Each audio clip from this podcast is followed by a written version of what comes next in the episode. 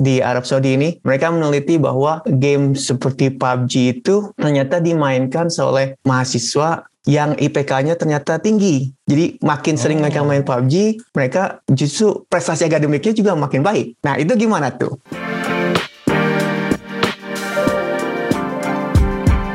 Hai sahabat TCID, kalian sedang mendengarkan podcast Suara Akademia, ngobrol seru isu terkini bareng akademisi. Pada episode ini, kita akan membedah wacana Kementerian Komunikasi dan Informatika untuk memblokir game online seperti PUBG dan Mobile Legends dari membahas riset tentang dampak video game hingga regulasinya di berbagai negara bersama dengan Iskandar Zulkarnain, peneliti budaya game global di Hobart and William Smith Colleges di New York, Amerika Serikat.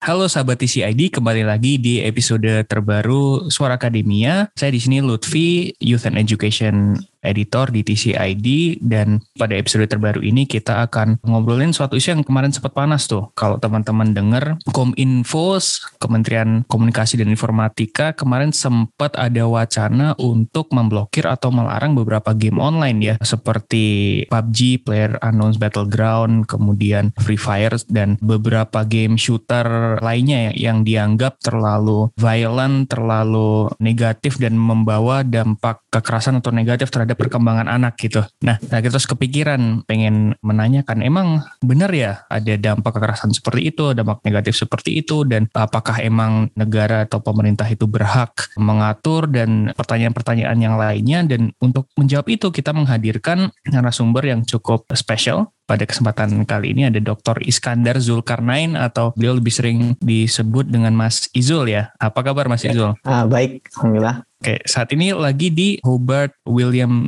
Smith College di New York. Hobart William Smith College di Geneva, New York di Geneva, New York. Gimana uh, kabarnya Mas di New York, situasi COVID dan lain-lain? Di sini terkendali ya, malah mungkin sudah menjurus normal ya, karena 70% Udah populasinya ya. sudah vaksin ya. Oke Mas, kita masuk ke ya. pembicaraan yang cukup menarik ya ini. Uh, seperti yang saya bilang tadi ya, Kominfo kan sedang mempertimbangkan ya untuk kembali melarang atau memblokir game seperti PUBG. Kalau uh, teman-teman yang belum familiar dengan misalnya game seperti PUBG gitu kan, game survival pakai elemen ada first person shooter shooter jadi tembak-tembak battle royale game. Battle royale game uh, dengan berbagai uh, senjata dan lain-lain yang uh, kemudian bunuh-bunuhan sampai ada last man standing gitu kan. Yeah. kata uh, beberapa aparat pertimbangannya adalah ini berpotensi membawa dampak negatif pada perkembangan anak gitu, desa violent gitu. Nah, dan ini juga menambah daftar panjang rekam jejak para dan pemerintah yang berencana melarang game online. Dulu kalau nggak salah itu MPU Aceh ya, Majelis Agamanya Aceh juga pernah mempertimbangkan hal serupa ya kalau nggak salah dulu itu. Nah, Mas Izul sendiri melihat ini tuh seperti apa sih? Kenapa aparat dan pemerintah itu suka sekali gitu kayak mencoba mengatur, memblokir berbagai media dari sosmed, bahkan kemarin juga ada lagu di radio kalau nggak salah isunya di Indonesia dan sekarang game online gitu. Kenapa mas kira-kira? Iya, kenapa ya sering larang-larang ya? Ini sebetulnya bukan fenomena baru ya. Mm -hmm. Sebetulnya ini ini kalau dalam kajian video games ini sering dibahas juga di kajian video game ini isu kepanikan moral itu yang sering muncul ketika ada genre baru di video games yang hmm. kemudian jadi populer tapi kemudian masyarakat masih awam masih masih belum terlalu familiar dengan genre tersebut kemudian jadi merasa wah ini berbahaya untuk hmm. uh, perkembangan anak-anak dan isu kepanikan moral ini sebetulnya juga bukan hanya di video games ya. Kepanikan moral dalam hal ini tuh maksudnya gimana ya berarti? Itu biasanya kalau misalnya ada media baru yang muncul hmm. dilihat secara superficial, wah ini kelihatannya berbahaya atau meresahkan masyarakat, kemudian jadi panik semuanya, jadi menganggap bahwa wah ini media baru ini dampaknya negatif. Itu sering terjadi di dalam kemunculan-kemunculan media baru ya. Uh, dulu waktu abad pertama kali novel muncul di Eropa itu, itu juga pertama kali novel muncul muncul di Eropa ya. No, okay. Novel kan sekarang sudah sangat familiar sekali dengan novel ya sebagai ya, buku fiksi satu, gitu ya maksudnya. Ya buku fiksi ya, genre okay. sastra. Tapi pertama kali muncul tuh mereka juga dianggap sebagai oh ini novel ini jangan dibaca oleh oleh anak-anak ini oh, apa gitu, menyesatkan, meresahkan. Iya, yang itu label gitu kayak gereja atau gimana? Biasanya antara gereja dan pihak pemerintahan ya, kerajaan. Ya itu memang selalu seperti itu ya. Televisi juga, film juga di Indonesia dulu di zaman penjajahan Belanda itu sempat ketika awal abad 20 film masih jadi media baru ya, sinema masih menjadi media baru itu sempat dianggap meresahkan dan dilarang di uh, Hindia Belanda waktu itu. Sebelum kemudian masyarakat makin familiar dan mulai ada kesadaran bahwa ini sebetulnya hanya bentuk media ekspresi baru aja. Tapi hmm. itu sering sekali memang nah, kalau bisa telusuri uh, di luar video games itu banyak contohnya juga. Ya, ya, Mas tadi bilang waktu pertama muncul itu jadi ada aura nggak familiarnya, jadi kayak belum banyak pemahamannya, tapi seiring waktu uh, jadi nggak hitam putih lagi ya, jadi kayak lebih banyak nuance dan jadi nggak sesederhana itu bisa calling out iya. sesuatu yeah. itu negatif positif seperti itu ya. Iya, yeah jadi seringnya memang kepaningan moral itu selalu isunya black and white ya. Bagus, tidak, positif, hmm. negatif. Walaupun seharusnya seperti yang Mas Lufi bilang, harus kita lihat fenomena ini sebagai fenomena yang uh, punya nuans dan kompleks ya. Karena berhubungan sama konteks uh, politik, budaya, dan sosial. Jadi itu yang sebetulnya yang harus kita telusuri lebih serius, lebih lanjut itu di sini. Jangan asal larang-larang saja. I see. Tapi kalau misalnya kita mau coba give uh, Kominfo atau MUI a chance gitu, kita kita coba ladeni misalnya argumen mereka bahwa game seperti ini menimbulkan perilaku kekerasan pada anak gitu. Apakah iya demikian? Karena misalnya kalau game tembak-tembakan yang dalam tanda kutip violent gitu ya, atau bahkan nggak tembak-tembakan dan lain-lain gitu, game seperti ini kan udah banyak ya selama ini kalau dari dulu zaman Doom sampai Counter Strike sampai Call of Duty sampai yang yeah. mungkin ya Wolfenstein gitu atau yeah. sekarang kalau yang hack and slash itu apa sih ya familiar Ghost of Tsushima misalnya atau apa kalau yeah. teman-teman yang atau Diablo Diablo yeah. yang main Devil May Cry seperti maksudnya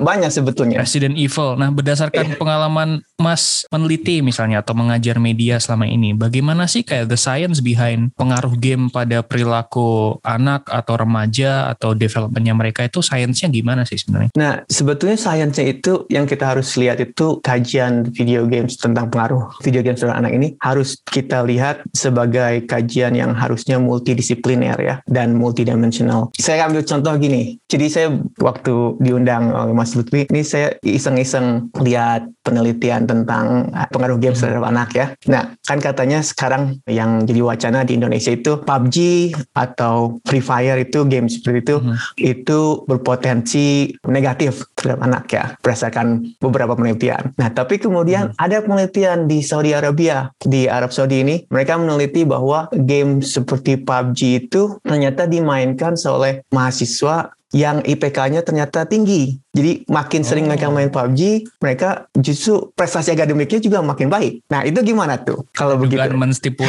simulasi intelektualitasnya gitu maksudnya? Iya. Apakah kita jadi harus kemudian bisa saja kan jadi argumen, oh main PUBG bikin pinter. Ya, tapi tidak kurikulum sekalian. Iya. Gitu iya. tapi tidak sesederhana itu kan. Iya. Nah itu itu yang harus dilihat karena kebanyakan yang saya lihat penelitian tentang efek video game terhadap anak-anak itu masih yang diambil oleh media populer itu selalu berhubungan dengan pengaruh negatif video game anak, anak yang violence. Padahal seringnya penelitian-penelitian itu kebanyakan inkonklusif ataupun limited result ya. Jadi hasil penelitian itu masih limited, masih terbatas karena mereka juga biasanya sampelnya juga limited. Jadi nggak bisa digeneralisasikan, oh karena ada efeknya kelihatannya buruk, jadi general game online itu semuanya buruk. Nah itu itu sebetulnya yang harus kita lihat. Dan itu sebetulnya yang saya sebenarnya ingin pemerintah dan masyarakat di Indonesia itu lebih mengkaji serius video games dan budaya video games. Jangan hanya terfokus oleh kajian yang melulu melihat pengaruh negatif video games terhadap anak-anak.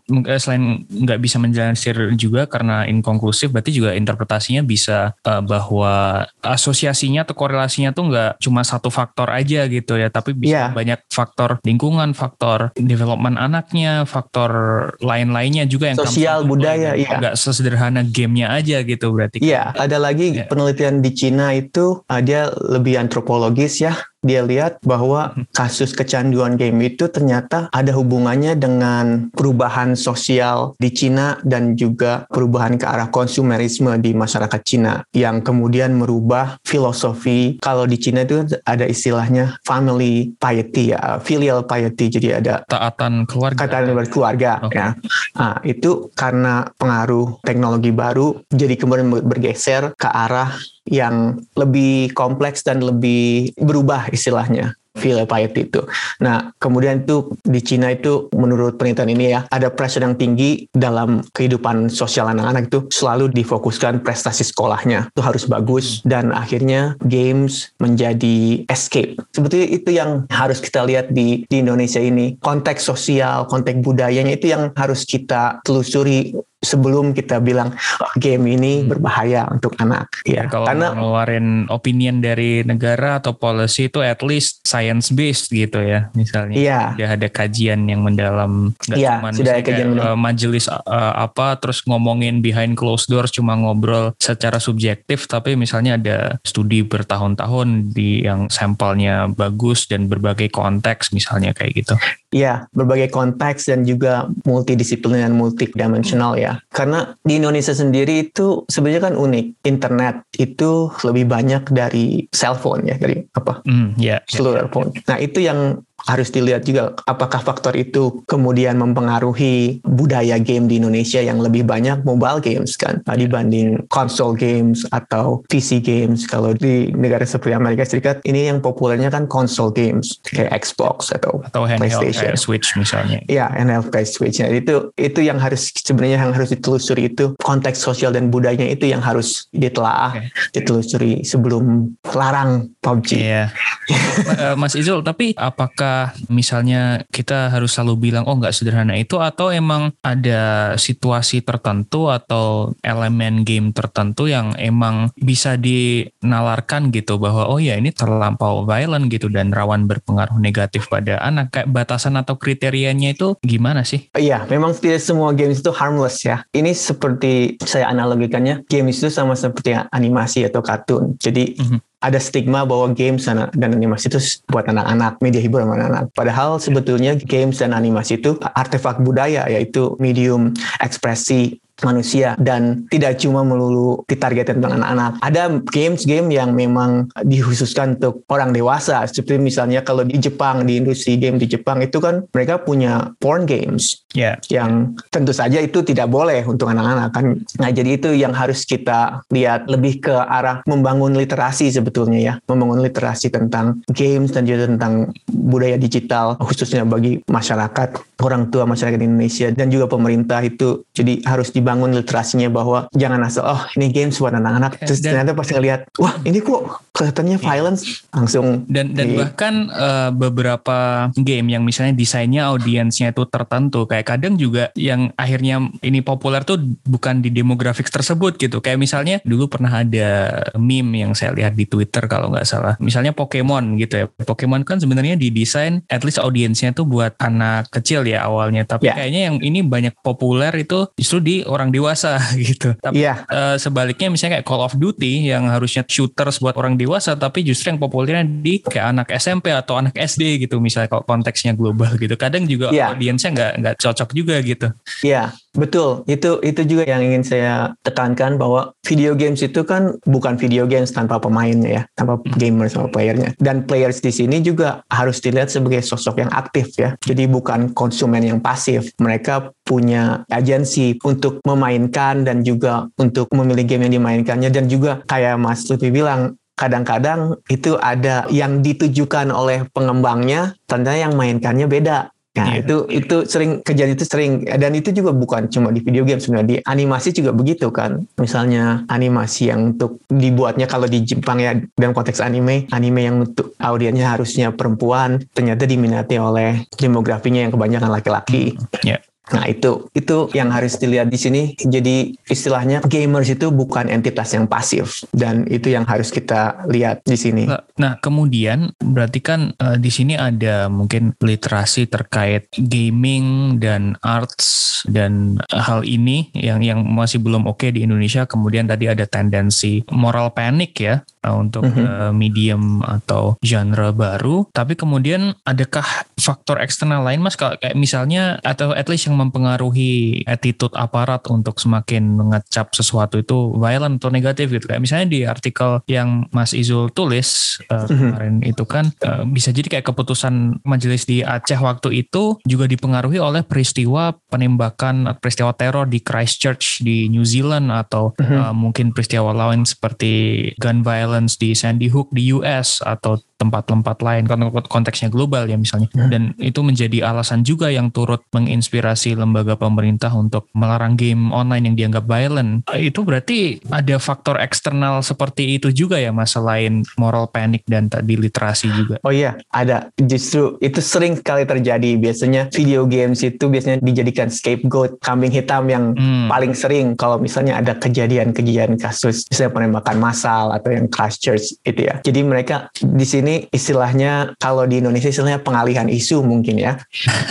Jadi daripada melihat isu yang harus itu sebenarnya justru mereka jadi ah ini gara-gara video games nih. Video games harus dilarang. Apalagi dalam konteks Amerika. Kalau saya kan saya di sini sering melihat ya. itu dan gun uh, violence-nya di US juga sangat gun tinggi, violence ya. Ya, ya gun violence dan uh, di sini itu kan kepemilikan senjata itu lebih mudah dibanding ya. bikin SIM. Nah, itu nggak pernah dilirik tuh kalau misalnya ada kejadian penembakan massal mereka nggak ngomongin gun control tapi ngomonginnya lihat lihat coba lihat yang yang pelakunya ini main game apa enggak nih nah jadi justru itu jadi semacam pengalihan isu jadi kalau misalnya beli games atau games dilarang tapi beli senjata itu mudah Nah itu kan kelihatan tuh mana yang lebih berdampak istilahnya. Assault rifle bisa beli di Walmart dengan bebas gitu ya.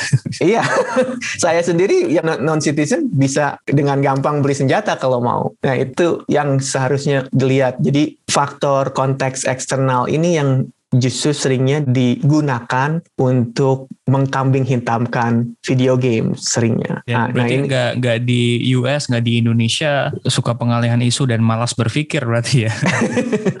ya sebetulnya itu karena memang efeknya menjadi membangun stigma kan yang kemudian menyebar secara global bahwa video games itu dapat meningkatkan kekerasan. Nah, kalau dilihat secara logika gampangnya seperti ini. Kalau memang video games itu dapat menimbulkan kekerasan, hmm. video games itu kan big industry ya. Yeah. Kemudian gamers itu kan bermiliar-miliar ya. Yeah. Artinya apakah bermiliar-miliar gamers itu mereka kekerasan? Enggak kan? Hanya satu dua dan itu kebanyakan faktornya itu bukan faktor dari gamesnya tapi faktor entah faktor dari budaya atau faktor dari keluarga misalnya ada abuse dari orang tuanya itu yang jarang dilihat di sini itu, itu konteks budaya konteks sosial yang jadi lebih gampang sebenarnya emang sih ya ya, ya udah salahin aja kayak analoginya bisa juga gini kali ya kayak misalnya kalau ada 9/11 atau bom Bali kan nggak mesti kesimpulannya kayak oh berarti semua muslim kayak gini kan juga nggak kayak ada iya betul. details dan konteks sosial politik dan lain-lain seperti itu kan nggak bisa dengan mudah langsung ngecap kayak gitu kan Mas?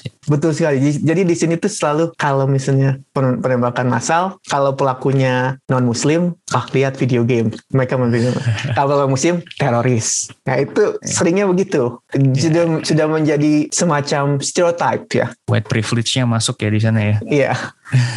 ya itu. Ini yang sebetulnya harus kita lihat ya dalam konteks kasus di Indonesia juga harus ditelusuri sebetulnya kalau misalnya memang ada kasusnya kekerasan katanya di game. Lihat secara holistik ya, ditelusuri secara serius uh, karena yang saya khawatirkan ini kalau misalnya ada memang orang yang punya kecenderungan kekerasan kemudian dianggapnya dari games kemudian ternyata nggak boleh dalam games, tapinya ternyata penyebabnya bukan itu. Itu kan nggak akan menyembuhkan, istilahnya nggak akan menyembuhkan orang tersebut. Iya, iya, iya itu yang harus sebetulnya kita lihat secara nah, serius. Itu, ya. itu uh, menarik mas. Uh, I, I wanna go deeper tentang itu. Tapi sebelum itu saya pengen nanya dulu mas. Uh, jadi hmm. sebenarnya kan, memangnya kalau at the end of the day gitu ya, memangnya pemerintah itu dengan berbagai hal tadi, emang mereka bisa atau emang mereka berhak gitu ya? Berhak atau bisa? Berhak kan artinya apa? Ya, secara filosofi maupun secara hukum atau apa gitu? Apakah mereka berhak dan apakah mereka bisa dalam artian apakah ini efektif atau tidak gitu untuk mengambil mengawasi media atau konten atau game seperti itu gitu. Teorinya bagaimana itu? Nah kalau ini kan sebenarnya kompleks ya, karena bisa berhubungan dengan banyak hal, konteks politik, konteks yeah. sosial, yeah. bisa bisa hubungan dengan misalnya otoritatif regime yang hmm. berusaha mengontrol apa pun. Tapi secara general sih sebetulnya kalau pendapat saya ya, itu pemerintah bisa menjadi pengawas regulasi media seperti video games. Asal konteksnya jelas dan mereka menganggap video games itu sebagai artefak budaya yang serius seperti seperti sama seperti sinema televisi dan sebagainya dan uh, seperti karya sastra misalnya. Itu karena di sini itu juga yang harus dilihat secara serius itu harus ada bukan hanya larang melarang ya mm-hmm. tapi harus dilihat misalnya contohnya yang saya baca dari artikel yang Mas Lutfi kirim itu ya. Salah satu satu game yang dianggap meresahkan itu kan uh, Higgs domino. Itu Higgs domino itu kan itu saya cek ternyata itu mungkin yang menurut saya game yang butuh regulasi lebih khusus ya. Karena Higgs domino itu kan game yang mengarah ke perjudian. Dan ini memang sempat jadi isu yang marak juga di industri game secara global ya. Karena uh, Mas Louis pernah dengar istilah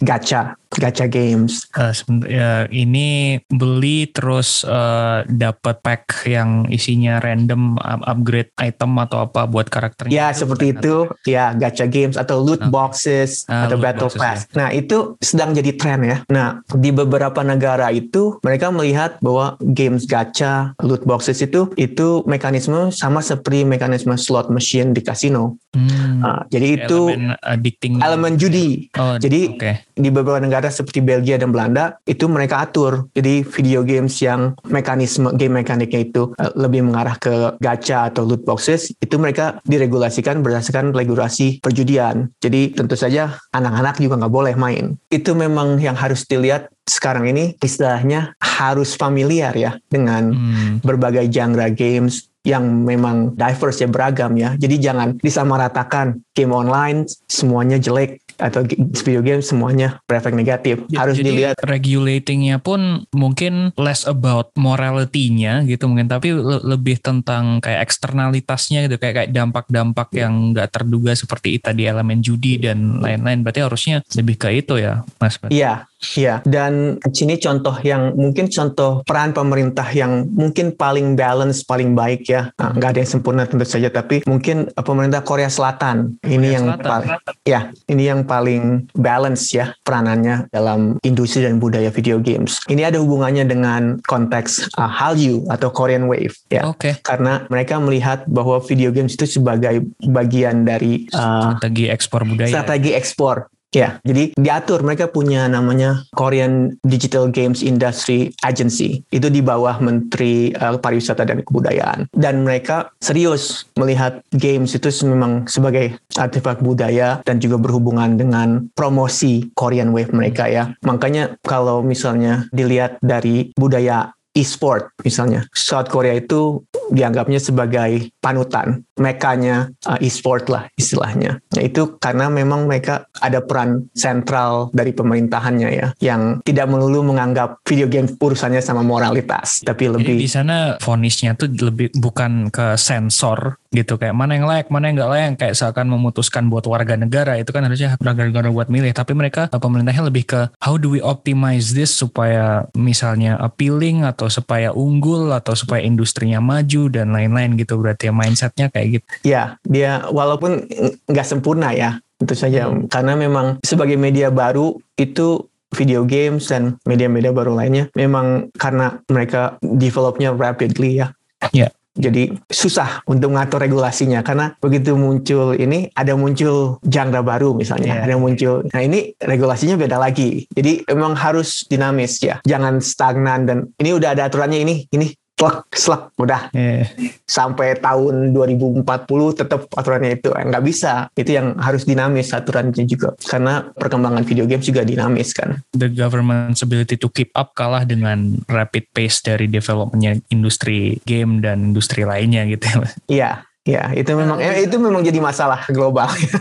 Tadi kalau setahu saya secara internasional tuh entah untuk ya film atau misalnya di gaming itu kan juga sebenarnya harusnya ada rating sistemnya gitu kan, Mas. Uh, maksudnya kayak yang dulu kayak waktu saya nggak tahu kalau di Indonesia saya nggak terlalu ini sih, tapi waktu uh, dulu saya main games di zaman-zaman saya di Australia gitu ada sistemnya PG itu untuk 13 or something M itu buat 18 plus kalau mm -hmm. R itu untuk 21 tahun gitu kayak asumsi saya kalau misalnya sudah ada label seperti ini gitu. Harusnya kan berarti discretion dari pembelinya atau misalnya kalau yang beliin orang tuanya discretion dari orang tuanya untuk yang mereka kemudian milih mana yang oke okay untuk dibeli dan tidak gitu. Kenapa maksudnya di Indonesia nggak rely on sistem ini aja gitu ketimbang heavily relying on keputusan sensor dari pemerintah untuk menentukan mana yang baik buruk gitu. Ya, itu menarik ya. Sana saya tahu dari uh, konteks Australia, Australia itu memang mereka punya rating system sendiri yang mungkin beda juga sama negara-negara lain.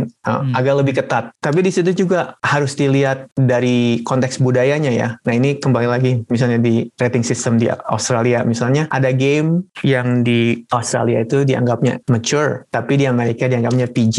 Oh. Uh, di Jepang dianggapnya teen. Ya, itu harus dilihat konteks-konteks budayanya karena rating system itu enggak absolut ya. Ya, ya. Dan ada wacana juga bahwa rating system itu karena dia lebih berpatokan sama rating system film ya, mm -hmm. itu juga dianggapnya kurang kurang pas ya. Kurang pas. Jadi it's a start tapinya mungkin nggak efektif. Apalagi kalau konteks Indonesia ya. ya kalau di Karena Indonesia, di Indonesia tadi mau tanya gimana kalau di Indonesia? Kalau di Indonesia kan masalahnya itu rating system itu kan kelihatan kalau misalnya kita beli physical games ya kalau buat konsol ya kelihatan memang. Tapi kalau mobile games itu kan ah, iya. uh, agak susah. Iya susah. Ya rating sistemnya. Paling-paling mungkin walaupun mungkin kayaknya di di Play Store atau App Store kayaknya adalah sedikit tulisannya tapi ada sedikit gak, gak ya. terlalu visible atau enggak iya. bener-bener ya, itu. enforce gitu ya. Iya nggak di enforce dan nggak visible. Soalnya kan misalnya rating sistem mature, tapi kalau misalnya nggak ada mekanisme instalasinya yang misalnya harus confirm bahwa kamu di atas 17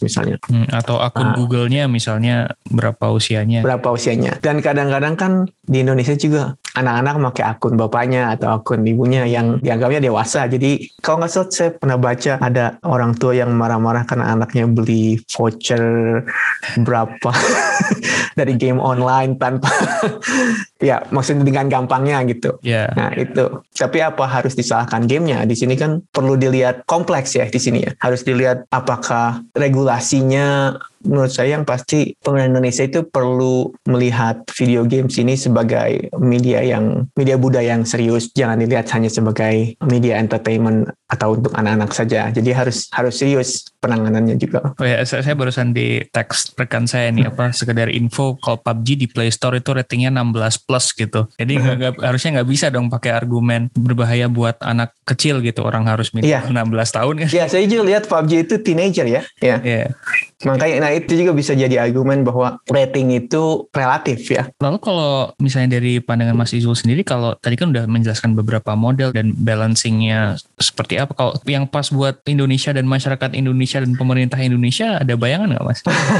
itu harus ada penelitian yang mm-hmm. yang khusus untuk ini ya. Yang pasti kalau menurut saya saya nggak punya gambaran jelas tapi yang menurut saya itu yang harus diperhatikan itu adalah konteks infrastrukturnya. Mm-hmm. Infrastruktur infrastruktur uh, akses ke gamenya karena di Indonesia kan akses ke game itu kebanyakan mobile. Jadi mungkin regulation tentang Terus mobile game yang lebih besar terhadap mobile game gitu ya. Iya, karena itu yang jadi akses utama kan anak-anak main games itu. Sepenelitian saya uh, waktu saya meneliti tentang uh, games di Indonesia ya, ini unek-unek dari pengembang games di Indonesia. Uh, mungkin sekarang sudah agak berubah, tapi industri game di Indonesia itu kayak menurut mereka itu kayak hutan rimba. Hmm. Jadi masih banyak yang belum jelas aturan legislatifnya karena berhubungan dengan ketidakfamiliaran pemerintah terhadap video gamesnya itu sendiri atau industri video games itu sendiri. Jadi mereka bilang mereka disatukan sama industri digital yang lainnya yang sebetulnya nggak terlalu masuk untuk industri video games itu aturannya itu. Jadi itu jadi itu yang mindsetnya masih kayak omnibus gitu ya kayak yeah. apa apa apa dianggap sebagai satu padahal nuancesnya masing-masing sedikit berbeda gitu. Iya itu. Jadi kalau misalnya mau dibikin regulasi pun itu regulasinya ya harus ada yang jelas penelitiannya, harus ada kajiannya yang jelas juga Mhm. itu dan nggak bisa disamaratakan. Oke, nah Mas Yuzul kita masuk ke segmen terakhir nih tentang tadi yang is kalau nggak salah sempat disinggung sedikit gitu kayak pemerintah nggak bisa sekedar langsung ngelarang ini karena kalau misalnya langsung ngecap gamenya padahal sebenarnya bisa jadi kayak menyebabkan kondisi tertentu pada anak tuh bisa faktor lain gitu kayak misalnya mengalami uh, depressive state atau apa atau trauma atau apa tapi cuma nyalahin gamenya kayak akar masalahnya nggak tersentuh gitu Wa- walaupun Mhm. Saya pribadi selama ini tuh nggak pernah merasa ada apa-apa ya kalau misalnya ngegame gitu. Justru kalau saya zaman dulu tuh zaman SD tuh suka main game PS2 itu namanya Samurai Warriors mas. Jadi kayak, kayak hack and slash gitu jenderal Hack jenderal and slash, di ya. Jepang gitu kayak vying for political power. Saya malah justru belajar tentang sejarah Jepang era Sengoku sampai Tokugawa Shogunate gitu. Masih jadi kayak nerd nerd history gara-gara game kayak gitu dinamika politiknya dan gak sedikit pun saya kayak eh, gimana cara apa ngebuk orang pakai pedang atau apa. Apa- Tapi walaupun begitu tetap ada kan ya apa misalnya gamers-gamers yang misalnya terdampak dari game gitu entah secara psikologi atau apa gitu kayak this is berarti a valid concern juga ya bahwa ada dampaknya seperti itu. Ya kalau misalnya dibilang dampak psikologis media itu selalu ada ya dan itu nggak eksklusif untuk games saja ya. Itu kalau saya melihatnya ya potensi psychological trauma itu justru lebih besar dari konteks video gamesnya bukan dari konten video gamenya. Hmm. Jadi harus dibedakan antara konteks dan Bisa konten. kasih contoh nggak mas? Misalnya dalam konteks Amerika Serikat ya, itu mungkin to certain extent di Indonesia juga mungkin ada ya. Mhm. Uh, itu kasus bullying atau perundungan atau Oke. harassment buat pemain game perempuan karena pemain game perempuan dianggapnya nggak becus nggak bisa main game gitu di sini itu ada istilahnya uh, kajian yang banyak yang mengkaji itu kajian toxic masculinity Ah, di oke. video games karena mereka menganggapnya video games itu boys club Mhm. istilahnya milik laki-laki Nah, mereka nganggap, nganggapnya perempuan tuh nggak bisa main games. Kalaupun main games cuma buat hiburan aja atau casual games. Nah, itu konteks itu yang sebetulnya yang bisa menimbulkan uh, psychological trauma. Karena ini ada beberapa mahasiswa, salah satu mahasiswa saya bilang kalau dia kalau main video games, dia selalu turn online, dia selalu turn off video sama turn off audio. Karena dia nggak mau ketahuan bahwa dia perempuan. Oh, dan ini Iya. juga misalnya saya pernah baca ini juga terjadi misalnya di chess gitu ya. Mhm. Ketika kayak gendernya itu revealed, itu overwhelmingly kayak pemain catur perempuan itu uh, hasilnya kalah gitu. Nggak tahu kenapa mungkin gaming mindsetnya terus mempengaruhi itu atau tapi ketika nggak di reveal gendernya kayak sama-sama anonymous gitu entah nama dan gendernya itu Mhm. kayak ya 50-50 uh, win lose rate-nya gitu. Iya. Juga bisa mencerminkan itu ya. Iya, nah itu terasa banget, terasa jelas itu psychological traumanya bisa muncul karena verbal abuse, bahkan sampai ada yang death threats, eh, dan juga kasus rasisme di game online itu juga banyak kejadian di Amerika Serikat ini ya. Nah itu lebih ke konteks, bukan ke kontennya. Oke. Malah kalau penelitian saya itu ada beberapa games yang justru membahas atau yang justru berusaha mengapproach uh, mental health and psychological trauma itu lewat video games. Misalnya uh, pernah dengar Hellblade: Senua's Sacrifice. Hellblade saya nggak familiar mas. Nah itu video games dibuat pengembangnya Ninja Theory dari UK ya. Hmm. Nah dia itu it's a fantasy video game, video game uh, kayak model fantasy action game. Tapi dia ternyata ada pengembangnya itu berusaha mengapproach mental health illness lewat video game tersebut. Nah itu justru malah menjadi semacam media ya, media ekspresi yang justru bisa mungkin beneficial buat those who have psychological trauma. Ada juga game yang lainnya, Depression Quest, itu indie game. Itu sama, itu tentang bagaimana seorang perempuan mengalami depresi. Nah, di sini kelihatan bahwa again video game itu bukan bukan semata-mata media hiburan, tapi di sini berfungsi sebagai ekspresif medium yang kemudian Iya. mengapproach masalah yang serius seperti mental health. Nah, ada juga beberapa yang misalnya mengajak kita untuk membongkar stigma tentang identity dan orientation dan gender, kayak misalnya The Last of Us gitu atau Ya, The Last of Us atau misalnya ada uh, Gone Home Mhm. itu juga Ya, ya. Ah, Jadi game kayak gitu. sebenarnya medium yang sangat rich gitu, kayak mungkin dengan dimensi yang sangat kaya ya sama mungkin kayak novel atau dengan film atau Iya. series atau apa yang punya bisa jadi platform untuk social good gitu ya sebenarnya. Iya, bahkan ini ya, penelitian saya yang sekarang ini saya sedang meneliti tentang video games yang dibuat oleh indigenous communities Oh. di Alaska. Oke. Itu Never Alone nama video gamenya. Hmm. Itu justru mereka membuat video game itu sebagai preservasi budaya mereka. Jadi mereka sangat terbuka melihat bahwa ini kita harus lihat generasi muda sekarang di indi- indigenous community generasi mudanya nggak bisa dibilang sebagai generasi yang primitif ya karena mereka akses ke video game, akses ke digital uh, media itu kan sudah sangat familiar. Jadi ya kita juga harus ada semacam approach terhadap budaya kita, preservasi budaya mereka itu lewat video games dan itu sangat menarik sekali itu. That's that's really interesting mas. Eh, Terakhir mungkin dari saya tadi mas sempat nyebut bahwa in certain bukan konten ya tapi konteks tertentu juga Mhm. bisa menimbulkan trauma dan psychological distress kepada para gamers. Kalau misalnya terjadi seperti itu, gamers mengalami dampak seperti itu dari game yang mereka mainkan itu lalu what do you recommend uh, them to do gitu? Apakah uh, jawabannya adalah oke apa terapi atau apa gitu? Atau Ini teman-teman gamer harus seperti apa? Eh, terus terang ini ini bukan bidang saya ya.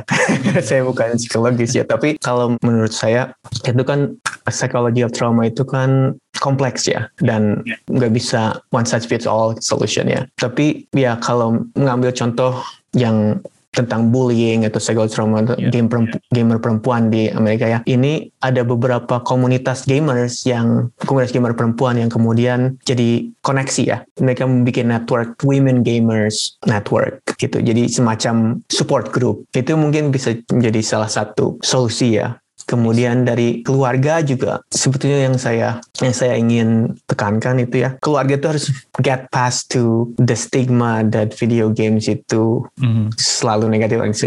Karena main video game itu bisa jadi family bonding ya sama misalnya sama nonton film bareng-bareng. Dan itu mungkin bisa jadi semacam uh, support system buat psychological trauma juga. Misalnya kalau anak dan bapaknya misalnya main game bareng-bareng kayak saya dengan anak saya sering main game Mortal Kombat atau Street Fighter bareng-bareng mainnya yang brutal kayak gitu. Iya, Dan iya, tapi justru kan- itu jadi jadi bukti ya bahwa yang paling brutal dalam series game gitu justru bisa jadi bonding antara ayah dan anak gitu.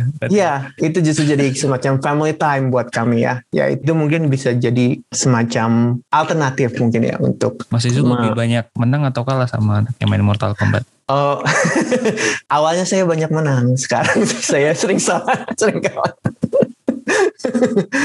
ya, kan, I grew up in Mortal Kombat dan Street Fighter, tapi sekarang anak saya lebih lebih mahir.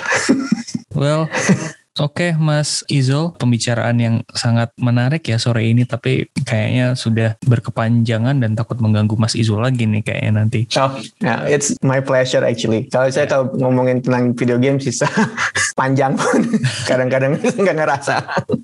Iya, sa- sama-sama nerd mas. Ya, salam dari nerd gitu.